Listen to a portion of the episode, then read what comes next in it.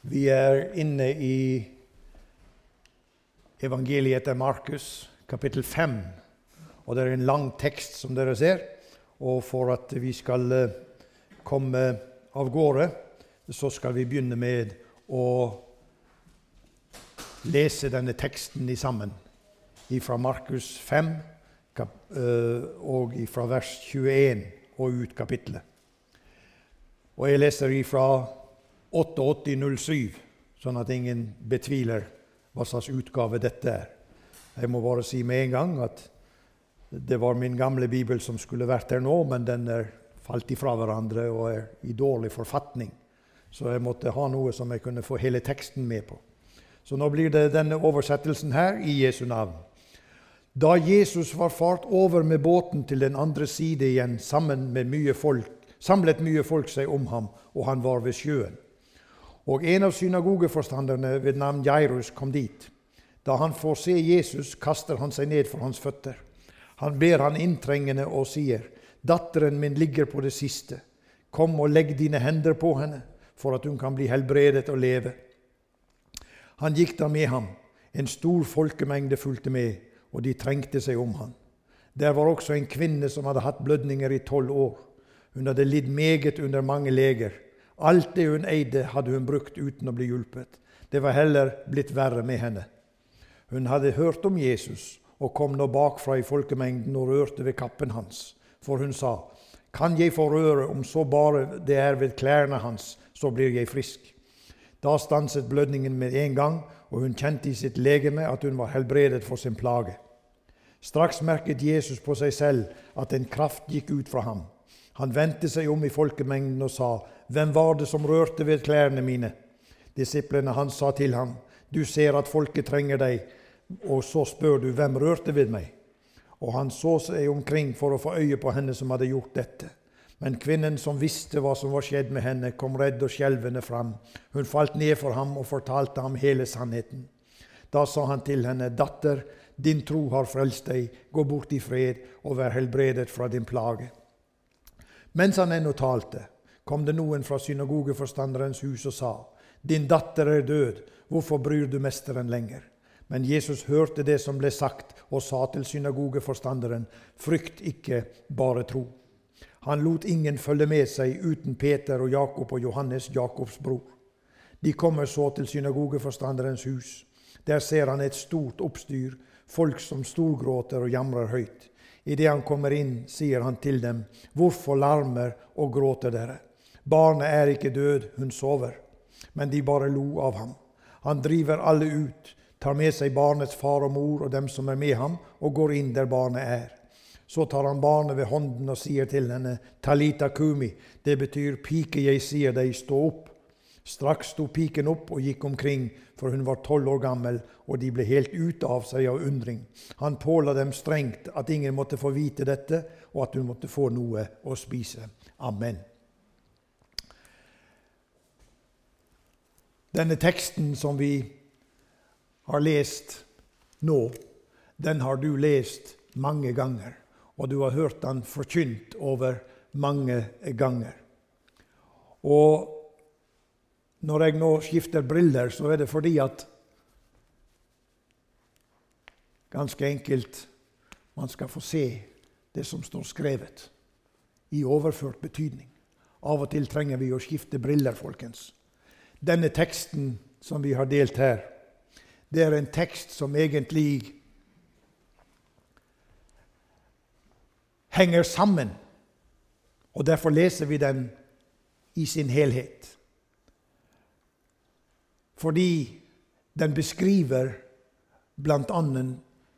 to desperate situasjoner. Desperate situasjoner, det oppstår, og da trenges ofte desperate løsninger. Har du tenkt på det? Det henger nøye sammen. På disse to som vi snakker om i dag, så var det to personer med utrolig stor forskjell på alle måter. Jairus som synagogeforstander, med navn og godt rykte. Og en kvinne med ukjent opprinnelse, ukjent navn, og i tillegg uren. Felles for de begge det var at begge var desperate. En venn av meg ringte jeg til for lenge siden, og så spurte jeg han og du kan gjerne dra på smilebåndet, det er lov det i denne menigheten her. Hvordan har du det, seg? Og så svarer han slik. Som du vet, sa han, jeg er gift med en kvinne, og jeg har tre døtre. Hvordan tror du jeg har det, sa han. Ja, sånn kan det være. Nå var ikke han så veldig desperat, men disse to som vi møter i dag, de er desperate av to vidt forskjellige grunner. Og vi skal se litt på hvorfor det var slik. Desperasjon det oppstår når man ikke lenger kan greie å håndtere en situasjon. Har du kjent på desperasjon? Jeg vil gjerne ta deg med i en situasjon som lå utenfor min mulighet, men for å sitere en salig broder som jeg hørte senest i går på radio, så fortalte han en episode hvor han eh, sa det slik Da dumpet Herren et fremmed språk over meg. Ja, det gjorde han. Han var i en nødsituasjon. Og eh, det var også undertegnede den gang. Ei lita jente på noen få uker i baksetet sammen med en bror som var ca. et år eldre, hvis ikke jeg husker feil. Og eh, der, på denne turen, så skulle vi innom en del land og riker nedover i Europa. Det var skjedd en nødsituasjon, for alle bibler som ble sendt av gårde, de forsvant. Og ingen av de som dette var tiltenkt til, fikk oppleve å få en bibel. Nå er vi tilbake igjen på 70-tallet. Det som skjedde, det var helt merkelig. Og jeg fikk i grunnen litt frimodighet til å fortelle om dette, for jeg har ikke hørt om andre som har opplevd det der som han snakket om i går på radio, enn som jeg sjøl, og som jeg har holdt litt sånn ja, litt langt inne. For jeg tenkte at en må ikke virke som om at en går alene og har opplevelser med Gud. Så eh, saken var jo den at det var blitt mørkt på kvelden, og vi var på vei til en by hvor vi skulle ta inn på et hotell. Men uten GPS og med et kart i mørket, da skjønner du at det er lett å kjøre feil. Og vi hadde kun lov å kjøre ifra der og til der. Vi hadde ikke lov å kjøre utenom veien. Vi befant oss i den gangens Tsjekkoslovakia. Og eh, her på denne turen så opplever vi det at vi blir forfulgt av militært personell. Og de ville gjerne ha fatt på oss, for vi skulle hjelpes tilbake til den veien vi skulle på, uten at de visste nøyaktig hvor vi skulle. Så vi hadde kjørt feil, eller jeg hadde kjørt feil, og dermed så var vi i en situasjon der vi prøvde å riste av oss disse her. Men den eh, gamle bilen som vi hadde, den var ikke til det sprekeste. Så, men eh, vi greide å riste av oss de som kom på en eh, trehjuling, og de som fulgte etter oss i noen militære kjøretøyer. De var heller ikke så spreke, så det passet veldig godt inn. Vi kom oss unna. Og før vi visste ordet av det, så kjørte vi inn i en desperat situasjon til et hus som var delvis opplyst, og hvor jeg går inn uten å ha noe kunnskaper om hvordan dette skulle bli. Så går jeg inn døra, og de to som sitter der, de røyser seg og stiller seg i givakt. Og jeg eh, gjør det samme til de, og hilser til de. Og hva som skjedde, det var det enkle at Gud dumper et språk på meg som jeg aldri har kunnet snakke, sånn at jeg kunne gi uttrykk for noe som helst.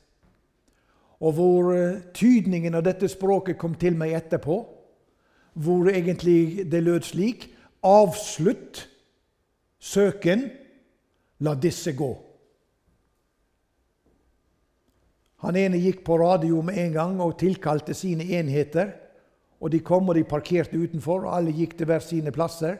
Og vi kjørte derifra i fred og ro og fant fram og fikk gjort den gjerningen som vi skulle. Det var en desperat situasjon, og dette visste Gud. Og Gud kunne trå oss nær der og da og gjøre et overnaturlig inngripen i situasjonen. Det gjør han òg i dag, her hvor vi har lest denne teksten. De hadde et felles problem, og de hadde også dette felles at begge, både Jairus og denne ukjente kvinne, hadde hørt at Jesus er i byen. i ren desperasjon. Det er ikke lenger muligheter. Jairus han hadde forlatt sitt hjem og hadde gitt avkall på sin prestisje for å møte mannen fra Nasaret. Kvinnen hadde tenkt i sitt stille sinn om vi bare kunne få røre ved det ytterste av hans kappe. De var begge i behov for et mirakel hos Jesus. Og begge får oppleve en livsforandrende situasjon der denne dagen her hvor de hadde kommet sammen med Jesus. Noen ganger så deler vi denne teksten i to. Men denne teksten er i utgangspunktet en tekst som er fusjonert, tror jeg det heter. Den er interveven med disse detaljene til å være én tekst. Én beretning om to situasjoner som skjer simultant. Og noen av oss har vært så heldige og benådet at vi har fått oppleve egne barn. Og vi forstår dette her. Et døende barn. Et barn som er på vei ut av livet. Det gjør noe med en mor og en far. Jairus han opplever at døden banker på. Altså det umulige, det som er umulig å håndtere.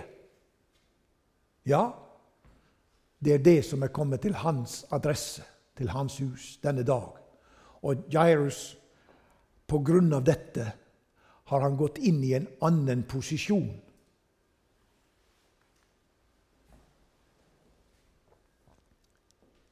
Og midt i dette er at han kommer til, til Jesus. Nedbøyd i ånden, sørgende. Men Jesus han har fryktelig god tid, kan det se ut som. Og det utsettes. For denne kvinnen kom inn i bildet. Hun som kommer fra en kultur hvor ikke hun hadde anledning til å snakke med fremmede, og iallfall ikke en mann. Hun er ifølge loven uren og skal ikke være blant andre mennesker. Ikke engang tempelbesøk var tillatt for en kvinne i denne tilstand.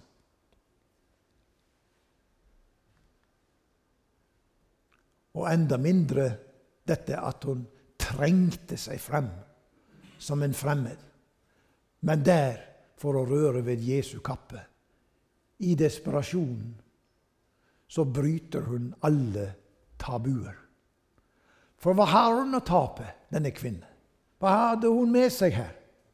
Hun hadde jo allerede tapt sin verdighet, sin sosiale omgang, sitt håp, sine penger. Resultatet hun satt med, hun står på bar bakke. Det er et uttrykk som vi bruker når alt annet er vekke, og bare Jesu navnet står igjen. Da er vi på bar bakke. Jesus utviser ingen forakt overfor denne, men han i stedet belønner hennes tro. Helbredelsen og miraklet er et faktum. Tolv år med lidelser av denne kategori er til ende. Tolv år. Datter, din tro har frelst deg. Vær helbredet fra din plage.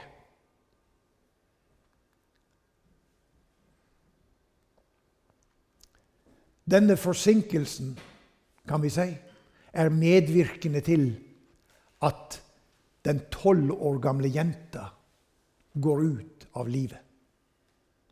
Jesus tar seg av den ene, synger vi i en sang. I sannhet gjør han det her. Han tar seg av denne kvinne som er i denne veldig vanskelige situasjonen. Og dette gjør han midt i det stresset som Jairus, som jeg ser for meg, står der og tripper og tenker Å, at hun skulle komme inn i bildet her og stanse denne prosessen nå når jeg endelig hadde fått fatt i denne som kan utføre disse miraklene. Hvilken feiltolkning av denne situasjonen. Vi tenker at selvfølgelig skulle Jesus ha prioritert annerledes. Og, og, og, fordi at den som kom der og, og ba for sin datter, hvem var det? Det var en som hadde gitt alt. Han var gått, som vi sier, all in i oppgaven i Guds hus. Han hadde hengitt sitt liv, sin karriere. Alt som han holdt på med, det dreide seg om tempelet og å være en leder for, for synagogen. Være en forstander der. Kanskje han tenkte Jesus, har du mistet oversikten? Skjønner ikke du hvem jeg er, Jesus? Kanskje han tenkte på det. Kanskje han kjente på at Jesus neglisjerte han litt, og ikke hadde tid til han, men heller denne her kvinne som egentlig skulle vært jagd av gårde, som ikke skulle vært der.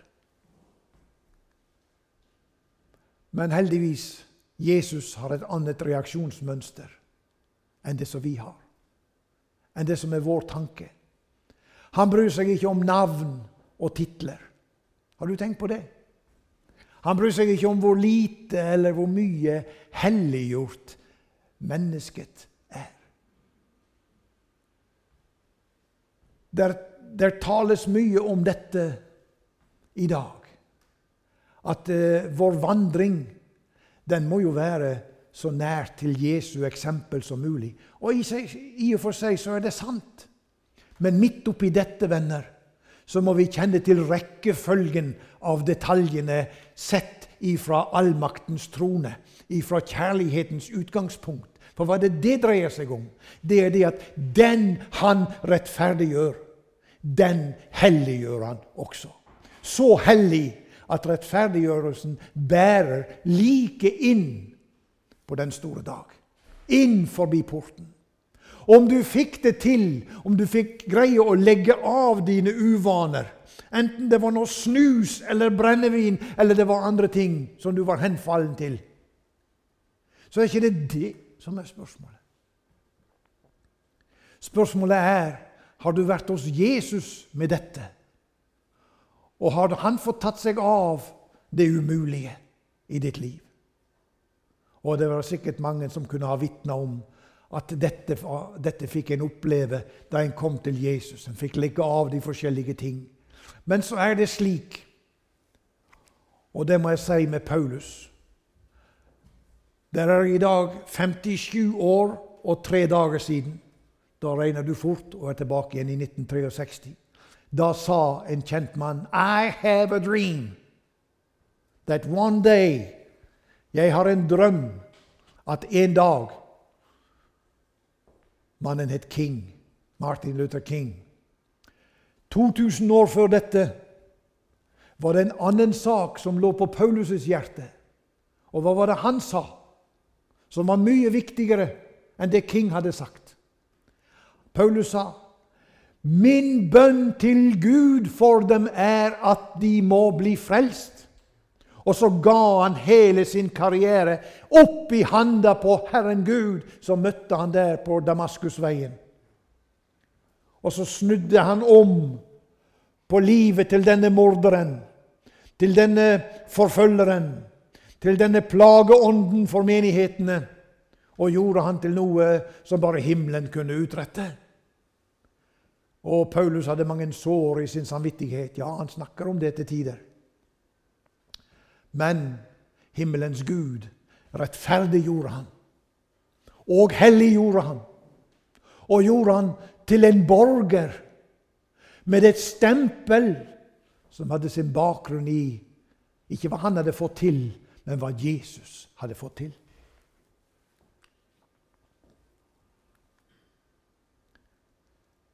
Hadde bare denne kvinnen holdt seg hjemme denne dagen, så hadde det kanskje vært håp for Geirus' datter. Men i stedet så gikk hun i sin nød og oppsøkte Jesus. Hennes nødsituasjon Hun hadde prøvd alt. Men eh, ingenting hadde hjulpet. Nå var hun i tro ut ifra sin bekjennelse. Om vi bare kunne nå hen i det ytterste av hans kappe. Hun trengte seg frem og falt ned for Jesu føtter. Og det hun fikk oppleve der, det var intet mindre enn et frelsesmøte og et himmelsk inngripen i hennes legemes tilstand. Hun sjøl kunne ikke bidra med noe som helst. Absolutt ingenting. Nada. Nothing. Ingenting kunne hun komme med og bringe til torgs og si Jesus, jeg har en liten referanse her, Jesus. Jeg har vært med på mange ting i ditt rikes arbeid. Hun hadde ingenting. Hun var en nobody. Det eneste som hun møtte Jesus med, det var desperasjon. Det var skam. Det var lidelse. Dette bringer hun inn foran Jesu føtter og griper etter det ytterste av hans kappe. Nå spør jeg deg, og jeg spør meg sjøl hva tok vi med oss til møtet her i dag? En broder tok med seg lydighet og stiger fram med noe som verden tråkker på. Men himmelen talte, det hørte vi her. Hva tok du med deg til møtet i dag? La oss lese fra Romerne 5 og noen vers. Da vi nå altså er rettferdiggjort av troen, har vi fred med Gud ved vår Herre Jesus Kristus, ved hvem vi også har fått adgang ved troen til denne nåde i hvilken vi står, og vi roser oss av håp om Guds herlighet. Ja, ikke bare det, men vi roser oss også av våre trengsler, for vi vet at trengselen virker tålmodighet, og tålmodigheten et prøvet sinn, og det prøvede sinn håp. Og håpet, vårt håp som ligger i Jesu Kristi navn, gjør ikke til skamme, for Gud, fordi Guds kjærlighet er utøst i våre hjerter ved Den hellige ånd, som er oss gitt. For mens vi ennå var skrøpelige, døde Kristus til fastsatt tid for ugudelige. For neppe vil noen gå i døden for en rettferdig. For en som er god, kunne kanskje noen ta på seg å dø. Men Gud viser sin kjærlighet mot oss derved at Kristus døde for oss mens vi enda var syndere. Nå skal du få se hva tro er i praksis. Vi hører ordet tro, og vi tenker kanskje noen luftige setninger. Vi greier ikke helt å trekke det ned og, og, og ta det til vårt hjerte. Men vi skal se litt på hva tro, aktiv tro er. Det er å komme til Jesus, det. Ærlig og sann. Ydmyk. Elendig. Tvilende. Desperat. Har du tro? Har du disse fem punktene inne her i dette møtet? Er du ærlig? Er du ydmyk? Er du elendig forfatning, åndelig som legemlig? Er du tvilende på noe av det som står her? Er du i en desperat situasjon?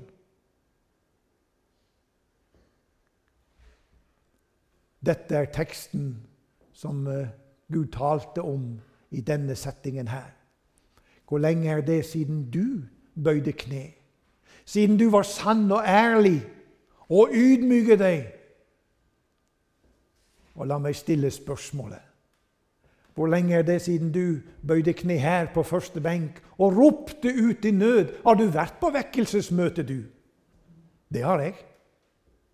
Og har du sett mennesker i sin beste alder falle helt ifra hverandre, gå opp i liminga, som vi sier? Fordi at syndenøden plutselig brøt frem i ens hjerte under ordets forkynnelse. Og dermed så ble det behov for oss å gå til første benk. Er det lenge siden du knelte ned der og ble ved med å be her? Ikke til klokka halv to, men kanskje til klokka halv ti inntil lyset fra Gud brøt frem? Er det slik at det er lang tid siden at ditt sinn var rent, siden hjertet var fritt fra hver byrde? Og det blir ganske nærgående for oss. Kan du kalle ham venn? Og har lang tid svunnet hen siden du kjente han var nær? Han, mannen som Jairus besøkte. Mannen som kvinnen knelte ned for, kastet seg ned i ydmykhet. Og Jesus. Jairus som fikk oppleve at selv om han fikk beskjed det er for seint, Jairus, din datter er hensovet, din datter er død. Å, hvilket budskap å måtte ta imot som far.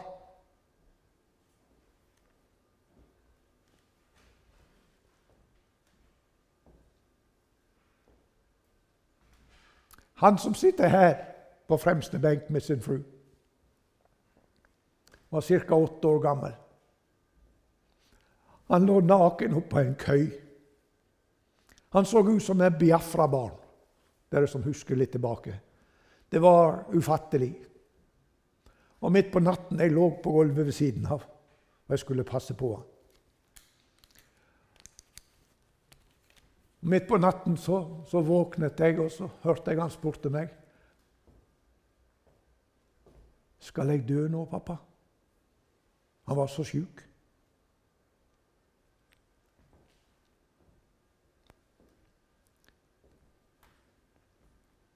Hva kunne jeg vite til å svare? Nei, sa jeg. Den tiden er ikke kommet enda. Det ligger et stort stykke liv foran. Det ligger en tjeneste som du skal stige inn i. Det var han som sang her i stad, denne sangen som dere hørte.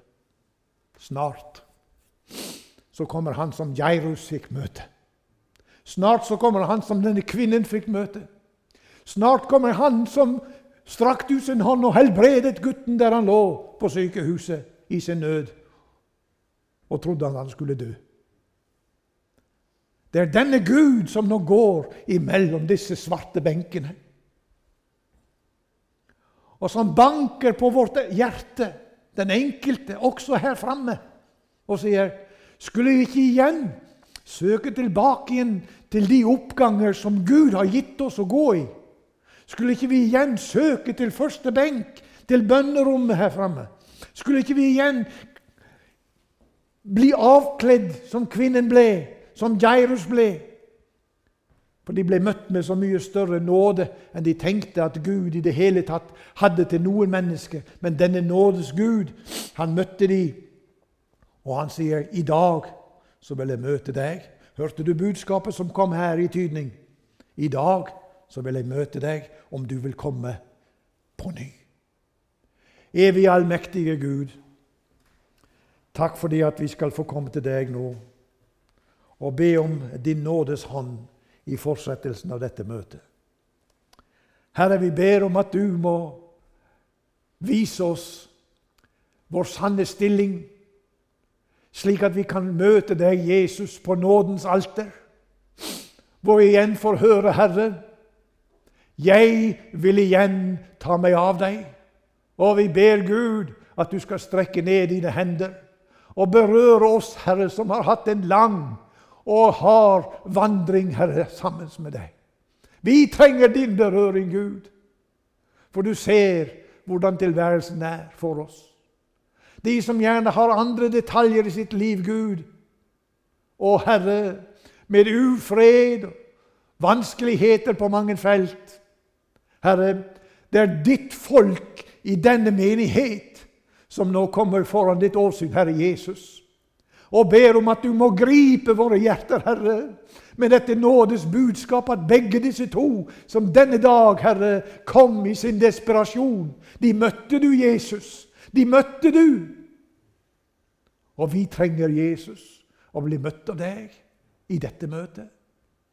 For at du skal få din vei og din vilje med den enkelte av oss. Så Herre Jesus, Paulus' bønn kan bli oppfylt. Herre, at de må bli frelst. At de må bli bevart ifra denne stund og inntil du bryter, Herre Jesus, lydmuren og kommer som lynet går fra øst til vest. Således skal ditt komme være. Da, Jesus, er det for sent å søke til første benk. Kjære Gud i himmelen, forbarm deg over oss, Herre. At ikke vi blir som Laudikea-menigheten, Herre. Alt fungerer tilsynelatende rett og riktig, men Herre vår Gud, den første kjærlighet, evige Gud, til deg og til ditt ord. Møt oss, Herre, for dette dyrebare navns skyld, med alle de behov som er til stede her i dag. I Jesu navn. Amen.